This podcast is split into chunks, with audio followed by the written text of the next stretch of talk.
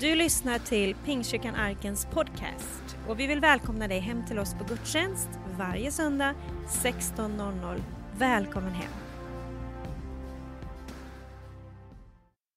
Hörni, jag var här för fem veckor sedan. Nu är man här igen. Första gången är man...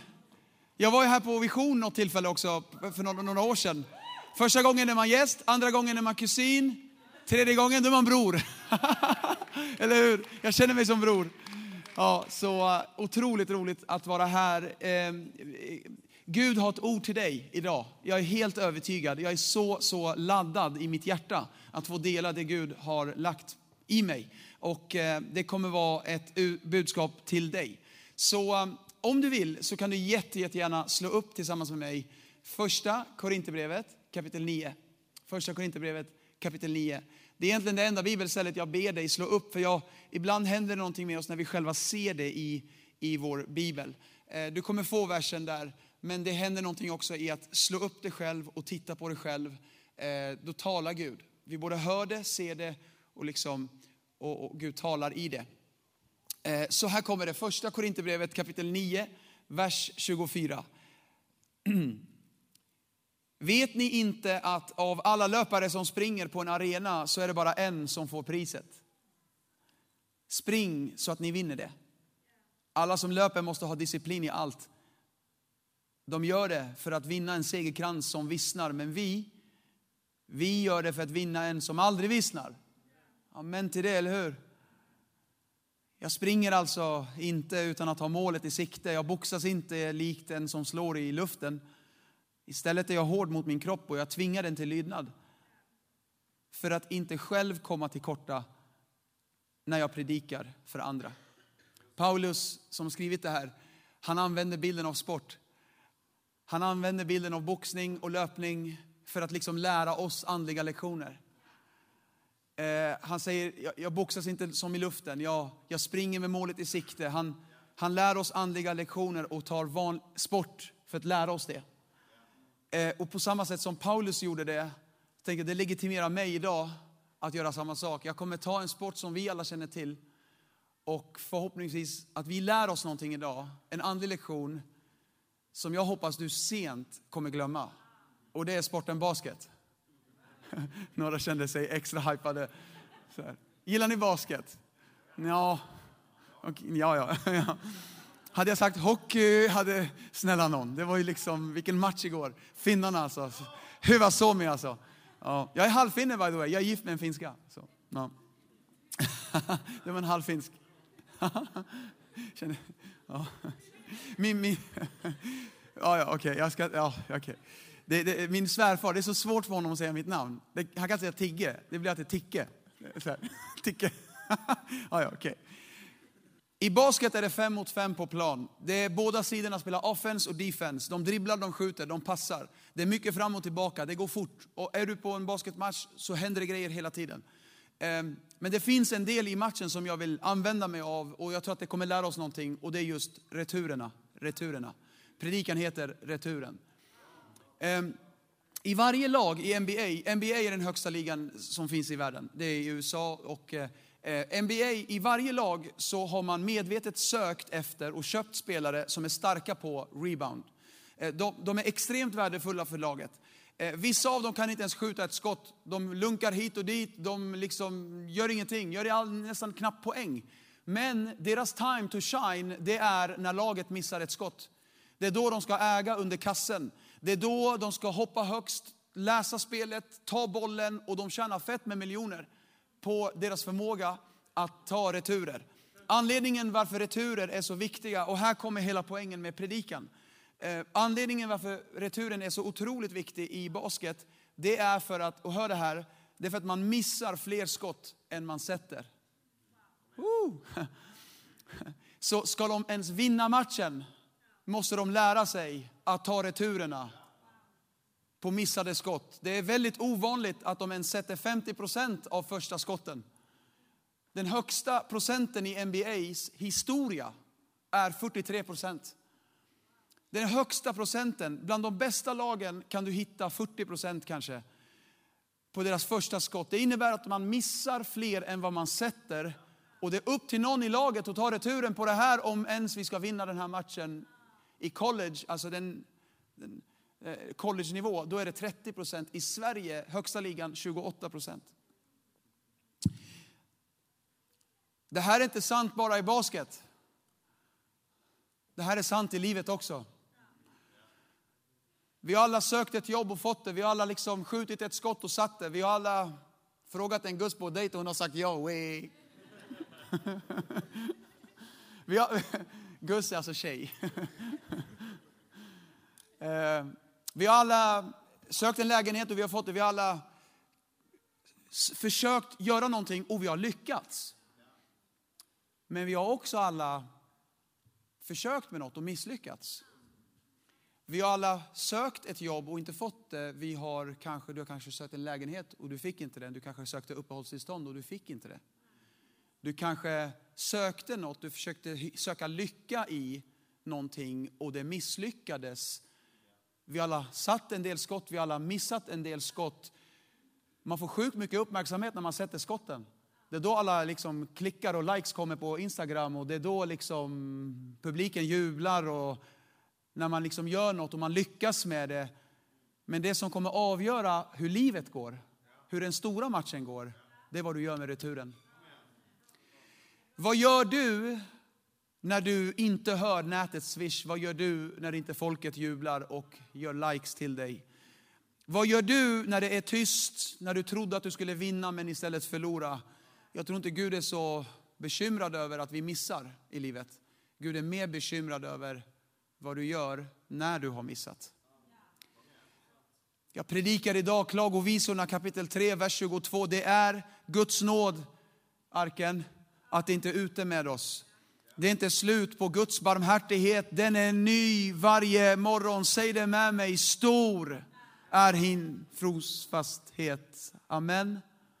Lukas, eller förlåt, Mika kapitel 7, vers 7 är det jag predikar idag. Det står att jag ska skåda efter Gud idag. Jag hoppas på min frälsningsgud. Och Gud, han ska höra mig.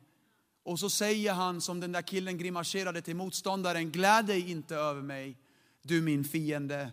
Har jag fallit så ska jag resa mig upp igen.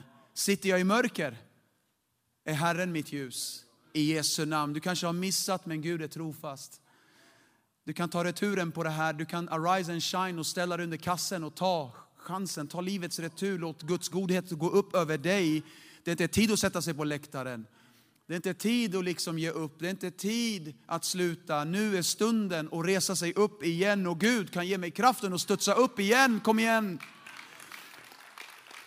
En tennisboll funkar så här. Ju hårdare du kastar den i backen, desto mer studs får den. En liten studs ger en liten, en, en, en, en svag, alltså om du släpper den svagt, då studsar den lika mycket. Kastar du den hårt, då studsar den mer. Så här funkar det i Guds rike och med Guds nåd. Ju hårdare du faller, desto mer studskraft finns det i varje fall. Gud har aldrig tänkt att du ska ligga kvar. Gud har tänkt att det ska finnas en studs i det här. Ju hårdare fall, desto mer kommer du få tala till folken. Om du väljer att resa dig upp. Så i varje, varje fall så finns det en studs inbyggd i sig. Och ju hårdare det är, ju värre det är, så kan Gud föra mig till en klippa som är högre än jag. Halleluja. Åh, det är så tungt det här. Och det är så många av oss som behöver höra det här. Det finns en kraft i att resa sig upp igen. Ordsordsboken 24 säger den rättfärdige kan falla sju gånger, men reser sig igen. Men den gudlöse stupar när olyckan kommer. Vad gör den rättfärdige enligt texten? Vad gör den rättfärdige enligt texten? Nej, faller. Sen reser sig. Vad gör en rättfärdig? Den bibliska definitionen av en rättfärdig person är att en rättfärdig person faller. Så vänd dig till din granne och säg, Walla, jag är heligare än vad jag trodde. jag, jag, jag, jag gör inte så dåligt ändå. Nej, välkommen till klubben.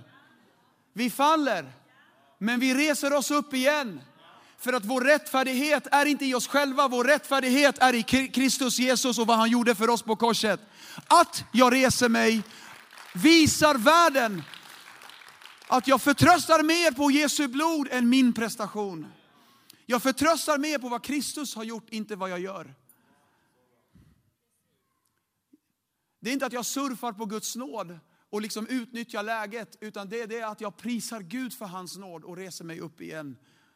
Halleluja. Jag sa halleluja.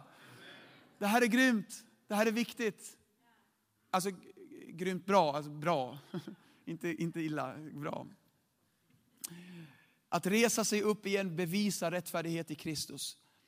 En rättfärdig person faller men stannar inte där utan reser sig upp igen. Gud vill inte att du ska leva i skuld. Gud vill inte att du ska leva i fördömelse. Ett av Bibelns tre eh, grundtextord för synd, hata, pesa, avon. Eh, ett av dem, alla finns i psalm eh, 32 för dig som vill studera lite. Alla tre finns i, i hebreiskan i psalm 32. En av dem, avon, betyder att missa målet. Det är en av dem, att missa målet. Den finns i Romarbrevet 3, 23, där det står så här. Alla har vi syndat och missat.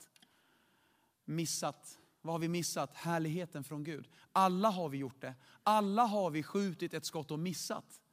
Alla har vi syndat. Alla har vi. Har du levt bara tillräckligt länge, två sekunder, har du förmodligen fallit. Enligt manualen i, i basket så är det, eh, om man kan läsa liksom, vad gäller om man ska vara en stark eh, returtagare. Va, va, vilka egenskaper behöver jag för att vara en duktig rebounder i basket? Ehm, enligt eh, manualen så är det tre saker man behöver göra.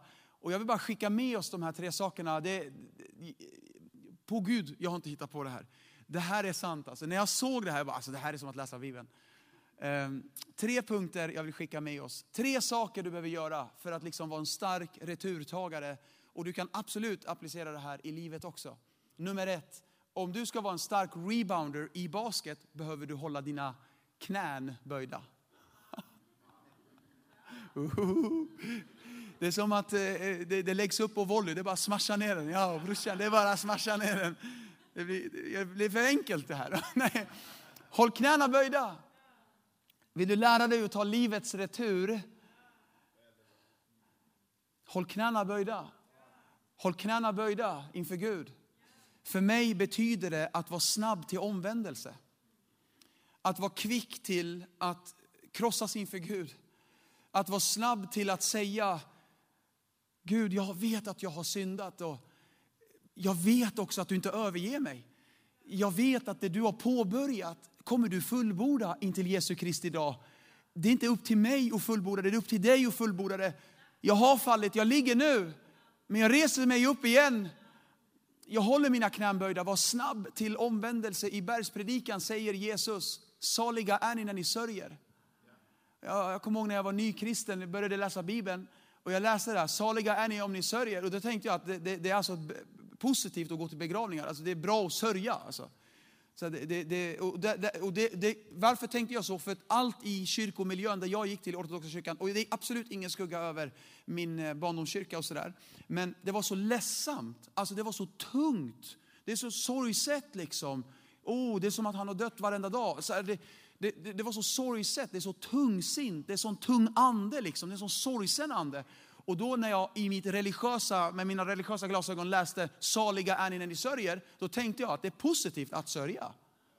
Men ordet sörja i grundtexten handlar inte om att sörja över att någon har dött. Det handlar om att sörja över synden. Sörj över din synd, sörj över fallet, sörj över det. För så länge jag sörjer över det, då betyder det att jag vill omvända mig. Men när jag slutar sörja över det, det är då högmod och stolthet kommer in. Det är då jag surfar på Guds nåd. Men så länge jag sörjer över det så finns det omvändelsekraft. Och Bibeln säger i, så här i, i krönikeboken att om mitt folk som är uppkallat efter mitt namn ödmjukar sig, sörjer och ber och söker mitt ansikte, vänder om från sin onda väg, då vill jag höra från himlen. Och då ska jag förlåta deras synd och jag ska skaffa läkedom till hela Värnamo. Hela Sverige. Hela Sverige ska bli helat om mitt folk i ödmjukhet håller sina knän böjda och söker mig och är kvicka till omvändelse och sörjer över landets synder. Säger Gud, vi ber att du ska tvätta det här landet i, i ditt blod. Ja, eller hur? Vi ber just nu för EU. Vi ber för väckelse i Sverige. Vi ber för Europa. Vad är det som kommer göra det? Det är det där. Om vi ödmjukar oss och ber, om vi söker hans ansikte, om vi håller våra knän böjda. Levi Petrus som grundat hela pingströrelsen, den här kyrkan är en del av pingströrelsen. Eh, och ehm, Levi Petrus som liksom startade det för länge, länge sedan. Ehm, han köpt, det sägs att han alltid köpte två par eh, byxor till sina kostymer. Eh, han köpte en kostym, så köpte han ett extra par. Bara för att han sa, de sa, varför köper du alltid två par? För han sa så här, att för att jag, då kan jag liksom ta de nya byxorna när jag har nött ut de första, för han bad så mycket på knäna. Jag bara, wow, vad underbart. Han bad så ofta på knäna så det blev liksom hål. Det blev hål på riktigt. Det var inte att vi de klippte dem som alla vi gör nu. Eller hur? Visst är det en stark bild? Håll knäna böjda. Var snabb till omvändelse. Om du ska vara en stark returtagare i livet, bara var, den första jag går till är den heliga Ande. Den första jag går till är Jesu blod och hans kors. Är du med? Det första jag gör, det är Gud, jag vänder om. Jag ber Fader vår. Jag säger Fader förlåt mig min synd. Så som jag förlåter alla som har syndat mot mig, då kommer hans nåd, gränslösa nåd, skölja över dig som våg efter våg. Det var en gång en man som inte trodde Gud ville förlåta honom. Han står vid havets strand och han ser våg efter våg komma in mot stranden. Och så säger den heliga ande i hans hjärta, ser du våg efter våg komma mot stranden? Ser du, ser du hur det liksom kommer mot dina fötter? Och hur det, ser du det? Så, ja, jag ser det. Och så säger han, så är min nåd. Det slutar aldrig komma. Och så tittade han det slutar verkligen aldrig komma. Det bara kommer våg efter våg, efter våg, efter våg, efter våg av nåd, no, förlåtelse, frihet. Våg efter våg, efter våg, efter våg. Var dag är din nåd ny. Stor är din trofasthet, Herre. Halleluja. Halleluja. Håll knäna böjda om du har fallit, fall i Jesu armar. Om du har fallit, sök upp din bror och din syster i kyrkan. Dra dig inte bort från kyrkan, snälla. Djävulen vill att du ska dra dig bort från kyrkan, men Gud vill, den heliga Ande vill att du ska söka upp dina bröder och systrar. Djävulen vill att vi ska isolera oss och vara individualister allihopa och bo i våra egna lägenheter och leva helt ensamma och eh, ha en relation med, mer, större relation med internet än vad vi har med människor. Men sök upp din bror och din syster. En läkare opererar inte på sig själv, en läkare söker upp andra läkare. Hur stark du än må vara, till och med Paulus behövde bröder och systrar. Till och med Paulus som är tidernas bästa kristen, ja. Hela Europa är kristet tack vare honom. Men behövde han församlingsgemenskap? Ja. För han säger i ett av breven, i, i första Korinthierbrevet 16, när jag träffade bröderna så upplivades min ande. Säger Paulus. Jag menar, om Paulus behöver det, alla jag behöver det. Om Paulus behöver gemenskap i kyrkan, det händer någonting i gemenskap. Det händer någonting med våra hjärtan när vi ses. Sök upp din bror och syster, lovsjung med andra. Du kanske inte kan resa dig själv där hemma. Det hjälper inte med Spotify, det kanske hjälper om du kommer till kyrkan. Det är därför det är så underbart att varje vecka inte låta djävulen bygga upp grejer i ens hjärta, utan att låta det rivas ner varje söndag. Bara det, ah, boom, ah, boom, ah, boom. Jag tar returen på det här. Halleluja. Håll knäna böjda betyder var snabb till omvändelse, var snabb till bekännelse. Lev ett öppet liv. Det spelar ingen roll vad du har genomgått, skilsmässa, konkurs, sorg.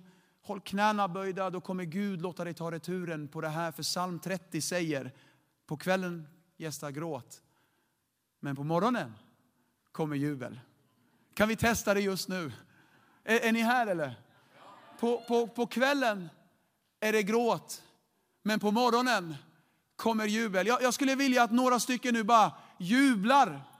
Det står shout to the Lord with a voice of triumph. Kom igen, du får jättegärna stå upp. Vi tar, ett, vi tar en paus i den här predikan. Varsågod och ställ dig upp. Varsågod och ställ dig upp. Nu tycker jag vi tar fem sekunder, markera för fienden. Jag tänker inte lägga mig, jag tänker inte ge mig. Jag tänker resa mig upp och ta returen på det här. Halleluja, halleluja.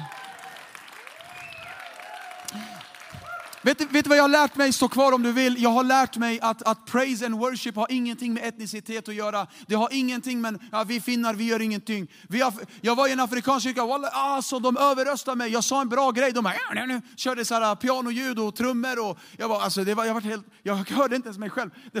så här, och jag bara, vad underbart. Och så bara reflekterade jag i bilen, alltså, är det här etniskt, liksom, hur man eh, är inför Guds ansikte? Eller är det så att det är bara kulturellt? Eller är det så uppväxt? Eller är det så? Hej, vet du vad jag tror? Vi behöver släppa oavsett kultur vi kommer ifrån och gå in i Bibelns kultur. Och Bibelns kultur är mycket lovsång, mycket praise, mycket lyfta händer. Och det är den kulturen vi ska anamma, inte svensk, finsk, arabisk, whatever kultur. Det är Bibelns kultur vi vill ha. Amen.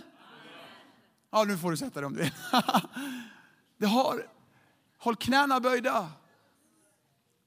Nummer två, håll händerna i luften. Det är sant. Det är sant. Håll händerna i luften. Jag ska böja mina knän, alltså vara liksom kvick till att studsa upp liksom. Och jag ska hålla händerna i luften. Tillbedjan är trons språk. Tillbedjan och lovsång säger Ja, jag vet att jag inte har segern just nu, men jag ska sjunga i den här ugnen. Ja. Och Gud ska ta mig igenom och det kommer inte ens lukta bränt när du är därifrån. Halleluja. Jag ska sjunga i den här ugnen. Alla kan slänga upp händerna och tacka Gud när, är, när man har satt ett skott, men vem kan göra det när man har missat ett skott? Lyft dina händer mitt i kampen Joel 2.25 säger Gud ska gottgöra mig för de åren som har ätits upp av gräshoppan. Gräshoppan är en, eh, en, eh, andlig bild för det som uppslukar, uppslukaren. Det står the devourer spirit, står det i engelskan. Det som uppslukar ekonomi, uppslukar relationer, uppslukar kärlek i ditt hjärta, uppslukar, vad är det fienden vill uppsluka? Gud ska gottgöra mig för allt fienden har velat äta upp. Om jag väljer att ta returen på det här. Jag ska inte ha ett piripari. Jag ska inte gå runt och förbanna med mina läppar. Jag ska böja mina knän och lyfta mina händer. Och här kommer det sista, nummer tre. Jag ska positionera mig. Jag ska positionera mig. För att ta en rebound behöver du stå rätt. Du kan inte stå i mittcirkeln. Du behöver stå under kassen. Eh, inte bara det, manualen säger så här, man behöver stå rätt, alltså positionera sig handlar om att dels stå rätt, men också eh, placera, eh, sära på benen och ha hela fot, foten på marken, så här. Det var en bild på det faktiskt. Så här precis. För att när du gör så här, då boxar du ut fienden. Om nu fienden är bak, då boxar man ut, alltså man särar, då, då tar man mer space under kassen. Och eh, jag tror att en del av oss behöver boxa ut fienden. Boxa ut fienden. Boxa ut det här. Tillåt inte kivet. Tillåt inte snacket bara eskalera. jag boxar ut det här nu. Jag bara stoppar förbannelserna och börjar välsigna istället. Är du med? Boxa ut det här. Det sägs också i manualen. Det är väldigt, väldigt viktigt att eh, stoppa eh, motståndarens dribblande. För att statistik visar att om man stoppar fiendens eller motståndarens dribblande, alltså spel, dribblande, eh, då ökar chansen att de missar skotten. Och då ökar chansen för returer. Eh, så stoppar man dribblandet, då ökar chansen för retur. Och, och en del av oss tror jag också behöver faktiskt stoppa fiendens dribblande. Det finns någonting med att ta sig till Guds altare. Det finns någonting med att eh, ställa sig själv i en position där Gud, där man gensvarar till Guds rop, där man inte stålsätter sitt hjärta och sitter kvar i mittcirkeln, eller på läktaren, utan jag positionerar mig. Jag tar mig till Guds altare. Jag ska lyfta mina händer, jag ska böja mina knän, jag ska positionera mig för Gud. Jag markerar, jag ska ta returen på det här. Det finns någonting med att gensvara till vad Gud säger. Jag har lärt mig i livet och när, man, när jag granskar mitt liv och mitt, liksom min resa med Gud. Eh, jag blev frälst när jag var 17 år. Jag har varit, tillsamm- jag har varit i, frälst nu i 20 år ungefär. Och jag bara granskar mitt liv så här. Och jag kan, jag kan nästan ta er till platser där jag har mött Gud väldigt, väldigt starkt. Alltså fysiska platser. Någon gång i skogen när jag pratade med Jesus bara själv och jag bara känner den helige Andes närvaro. Någon gång när jag, jag var ensam i rummet och liksom, farsan låste in mig för jag fick inte gå till kyrkan. För han trodde det var något fel med den kyrkan jag gick till. Och eh, jag hoppade ut genom fönstret och skulle gå till mötet liksom. Och jag bara kände hur Gud var med mig. Jag hade precis fått stryk.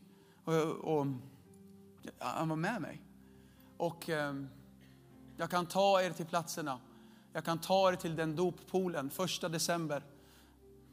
1999, eh, vad var det? 1999 var det, ja, när jag döpte mig. Jag var 18 och jag fick ju inte döpa mig.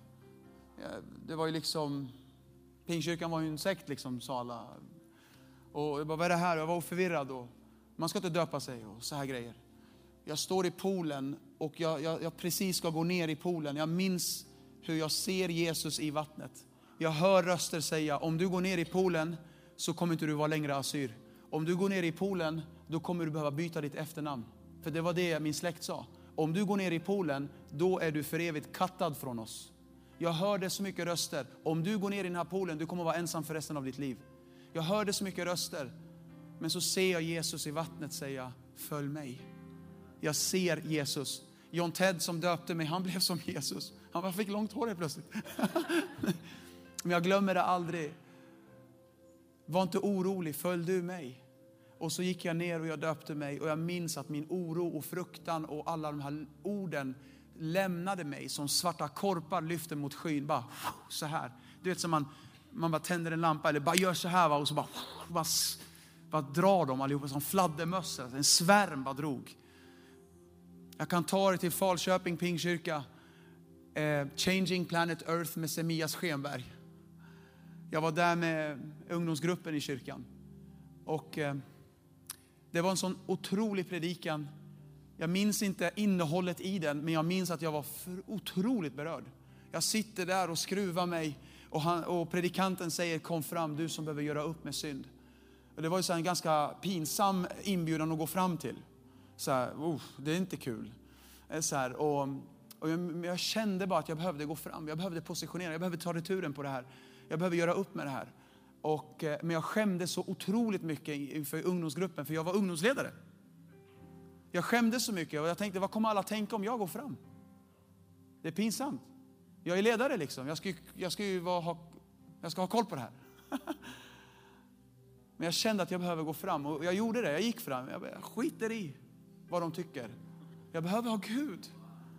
Jag behöver ha Gud. Så jag gick fram. Jag, jag grät som ett barn alltså. Jag kommer ihåg Amritsen, han var där, han bad för mig. Och var, jag grät som ett barn, jag var helt förstörd. Men jag tänkte inte på, jag var den första som gick fram för ingen vågade. Det var så pins, alltså scary inbjudan. När, sen tittade jag, sen jag, jag tittade så här, då var det hur många som helst. Men någon behövde bryta det, någon behövde gå fram. Någon behövde positionera sig. Jag säger inte att, hoho, jag säger bara att eh, du kanske behöver positionera dig för att bli fri. Du kanske behöver markera för fienden, jag ska bli fri. Det är kanske någon som behöver sluta stålsätta sitt hjärta och säga inshallah, om Gud vill han kommer till mig. Nej, kom du till honom. Jag ska läsa ett bibelord till. Det står, eller ja, flera, men jag vill bara läsa den här andra Timoteus. Jag, jag hoppar till den sista. Det står, and then that they may recover, rebound themselves out of the snare of the devil. Um, um, and that they may recover themselves out of the snare of the devil. Versen säger oss att Gud gör inte allt för oss. Han gör allt för oss. Men här står det that they may recover themselves. Alltså, Gud väntar på vad du gör. Gud har gjort allt för dig. Men Gud säger, ska du ta returen på det här? Väljer jag att ta returen på det här? Och det är upp till oss. Gud är en gentleman, han kommer inte tvinga dig. Han lägger liv och död framför dig, må du välja liv. Simson missade hela sitt liv. Ja, och istället för att springa efter Gud, han sprang efter tjejerna. Han sprang efter varenda tjej. Alltså, så här, han, han, och han sumpade sitt liv. Han hade hur stark kallelse på sitt liv som helst. Han var Guds nasir, ingen rak kniv fick komma nära hans huvud. Han var utvald av Gud. Han var så vald av Gud. Redan från moderlivet var han liksom, det här är min utvalde. Han ska rädda hela landet, den här killen, Simpson. Men han gjorde så fel beslut i sitt liv. Och, och, och det står att hans hår blev klippt och, och det är kanske en konstig sak att förstå sig på, men håret är en symbol för smörjelsen, kraften, Guds kraft över hans liv. När håret blev klippt, då tappade han smörjelsen. Men han trodde att allting var business as usual. Så vaknade han en morgon så kraften var inte där. Och han blev tillfångatagen. De petade ut hans ögon. Och i fängelset så ber han Gud om förlåtelse. I bunden till kedjor vid pelare säger han Gud snälla använd mig igen. Och då säger Domarboken 16.22 så här. Men hans huvudhår, Domarboken 16.22. Um, ehm, men hans huvudhår började växa ut igen sedan den hade rakats av. Hans huvudhår började växa igen. Kallelsen började spira i hjärtat igen. Hoppet började komma tillbaka. Hungern på att göra revansch på den här konkursen började liksom brinna i hjärtat igen.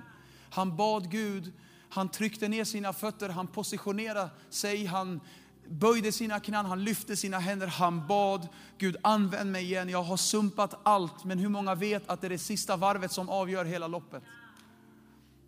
Och ändå säger vers 30 så här, de som han dödade vid slutet av sitt liv, eller vid sin död, var fler än de som han hade dödat medan han levde. Det säger mig så här, han hade sumpat chans efter chans, men på grund av att han ödmjukade sig och bad till Gud, gav Gud honom tidernas revansch tidernas retur. Han gjorde inte bara ett mål på en gång, han gjorde tio mål på en gång. Med en bön, Gud snälla använd mig, låt mig bli för mun igen. Gud använd mig igen. Och Gud lät nåd skölja över honom. Och han, det, det han gjorde i slutet av sitt liv ersatte allt förlorat. Hur starkt är inte det?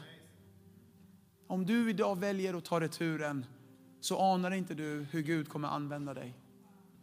Petrus missar chans efter chans. Petrus, Gud, Jesus sa till honom att du kommer, du kommer missa Petrus, du kommer missa. Simon, Simon, Satan har begärt att sålla dig som ett vete. Satan har begärt att sålla dig som ett vete. Han har bestämt sig att trycka till dig hårt. Men jag har bett för dig att när du missar, att du ska stärka dina bröder då. När du omvänt dig, styrk dina bröder. Du kommer falla. Det, det, det, jag ber för dig att din tro inte ska ta slut. Jag, när du en gång har omvänt dig, när du en gång har tagit returen på det här, styrk dina bröder. Låt ditt mess bli ditt message. Låt, låt din framtid bli större än ditt förflutna. När du en gång har omvänt dig, styrk dina bröder Petrus. Låt inte det sluta så här. Unna inte fienden den glädjen att du ligger kvar. Res dig upp igen, arise and shine och låt mig visa dig vad jag ska göra med dig. Han förnekade Jesus tre gånger. Han kunde lätt satt sig på läktaren.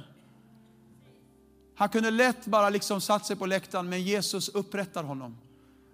Och så säger han, jag ska ge dig bollen igen Petrus, må du skjuta. Och han sköt. Och 3000 blev frälsta på pingstdagen. Halleluja. Det här, är, det här är Guds ord till dig. Det här är Guds ord till dig. Sätt dig inte på läktaren. Det är dags att ta returen i Jesu namn. Det fienden ämnade för ont ska Gud ämna för gott. Gud ska låta allt samverka till hans och ditt bästa och din familjs bästa. Har du misslyckats i äktenskapet? Har du missat i äktenskapet? Jag, jag, jag säger inte det här för att liksom strö salt på sår. Jag säger inte det här för att provocera. Jag säger det här för att säga till dig, snälla ta returen. Känns det jättekört? Känns det som att du vill sticka härifrån bara? Jag vill inte vara med i den här kyrkan, jag är sårad. Ta returen. Ta returen. Unna inte fienden den glädjen att han lyckas med splittringen. Ta returen. Ta returen, ta returen, ta returen, ta returen, ta returen, ta returen. Ta returen på det här. Fanny Crosby, hon, hon föddes blind, eller förlåt, hon föddes eh, eh, med, med, sin syn, men när hon var ett år så, så blev hon blind. Fanny Crosby, hon levde på 1850-talet ungefär. Fortfarande idag säger man att Fanny Crosby var den som skrev mest lovsånger. Det finns, man tror inte att det finns någon som har skrivit mer lovsånger än Fanny Crosby än idag. Hon var metodistkyrkans liksom stora lovsångsskrivare. Och eh, en gång i en intervju så, så sa en journalist till henne så här. Fanny, tänk att Gud har begåvat dig med sån förmåga att skriva sådana fantastiska texter. Tänk om Gud också hade gett dig din syn. Vad hade inte du fått betyda? Då säger Fanny Crosby så här. Jag skulle aldrig be Jesus ge mig min syn tillbaka. För att det första mina ögon kommer se när jag kommer till himlen är min frälsare Jesus Kristus. Sen skrev hon en sång och det är hennes kändaste sång. Hon skrev de här orden. Istället för att liksom bli deppig och ledsen, istället för att tänka varför gjorde du mig blind Gud? Varför, varför vart det så här för mig? Hon skrev de här orden istället. Hon skrev Blessed assurance, Jesus is mine. Oh what a foretaste of glory divine. Hero salvation, purchase of God, born of his spirit, washed in his blood. Come du den? This is my story, this is my song, praising my Savior all the day long. Kan du den på svenska? Han är min glädje han är min sång. Honom jag prisar. Livsdagen lång ska vi stå upp och sjunga det. Han är min glädje. Han är min sång. Jesus, du är vår glädje. Honom jag prisar livsdagen lång. Han är min glädje, han är min sång. Åh Jesus, vi tackar dig, vi lyfter dig. Ska vi sjunga det en gång till? I Jesu namn. Han är min glädje, han är min glädje. Han är min sång, Jesus. Honom jag prisar livsdag Låt Guds nåd skölja över dig just nu i Jesu namn. Han är min glädje, han är min sång. Honom jag prisar. Kom igen en gång till. Det är någon som behöver sjunga de här orden och deklarera, jag ska ta returen på det här. Glädje, han är min sång, Jesus. Honom jag prisar livsdagen. Jag känner att det är människor som blir helade just nu. Helade från skam, helade från fördömelse i Jesu namn. Min sång.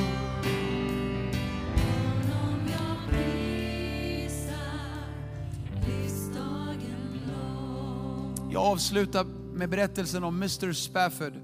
Mr Spafford var en predikant han skickade efter sin familj att komma till honom från England till USA. Halvvägs dit så kommer det en storm och skeppet sjunker. Hans tre döttrar dör. Och den enda överlevaren på hela besättningen och hela skeppet var hans egen fru. Man hittade ett meddelande där hon hade skrivit två ord. Hon hade skrivit saved alone. Och man förstod att hon var den, hon var den enda som överlevde. Han blev fullständigt knäckt. Han sätter sig på en färja ett par veckor senare för att komma ut på Atlanten. Han ber kapten på fartyg väcka honom när de kommer till platsen där hans döttrar hade sjunkit tillsammans med det skeppet. Han väcks av besättningen två på natten. Han kommer ut på däck. Det är nattsvart mörker. Det är det stora Atlantiska havet. Han står på däck och besättningen kramar om honom och lägger en filt om honom. Där och då säger han farväl till sina döttrar. Och, och han tittar ut på det stora Atlantiska havet, han tar fram en papper och penna och han börjar skriva de här orden. Han skriver When peace like a river attendeth my way, when sorrow like sea billows roll, whatever my lot is, thou, Gud alltså, thou, have taught me to say, it is well, it is well with my soul. Det där är tidernas retur, bröder och systrar. Det där är tidernas retur. It is well with my soul. Vad kan skilja mig från Kristi kärlek? It is well with my soul. Vad kan separera mig från Guds nåd? It is well with my soul. Här kanske det pågår saker och här i livet får vi gå igenom lidande. Men var vi gott mod, ty jag har övervunnit världen. It is well with my soul. Vi kommer mötas igen. Jag vet inte vem du har begravt, jag vet inte vad som har hänt. It is well with my soul. It is well with my soul. Ha. Oh, han är här, jag känner det alltså. Rebound yourself idag. Spring inte till Jack Daniels, spring till Jesus. En del av oss behöver göra som Josua gjorde i kapitel 10 i Josua bok. Han drog fram fem kungar ur en grotta. Han drog fram dem och så sa han till sina ledare, sätt foten på nacken på dem. En del behöver dra fram saker ur grottan och positionera sig. Sätta foten på nacken på alkoholen. Sätta foten på nacken på drogerna, sätta foten på nacken på övergreppet, sätta foten på nacken på skammen, på skulden, på synden, på attacken. Sätta foten på nacken på ge upp-känslan. Sätta foten på nacken på det som hemsöker dig och hugg av det inför Guds ansikte. Hugg av det i Jesu Kristi namn. Sätt foten på nacken på det. Böj dina knän. Lyft dina händer. Positionera dig. Spring till Gud idag. Ta returen på det här. Ta returen på det här. Var inte kvar i missmod. Ta returen på det här. Var inte kvar i övergreppet och i minnet. Ta returen på det här. Låt inte fienden vinna. Ta returen på det här. I Jesu Kristi namn. Ta, ta returen på det här. Ta returen på det här. Hej pappa. Ta returen på din relation med din dotter. Hej dotter.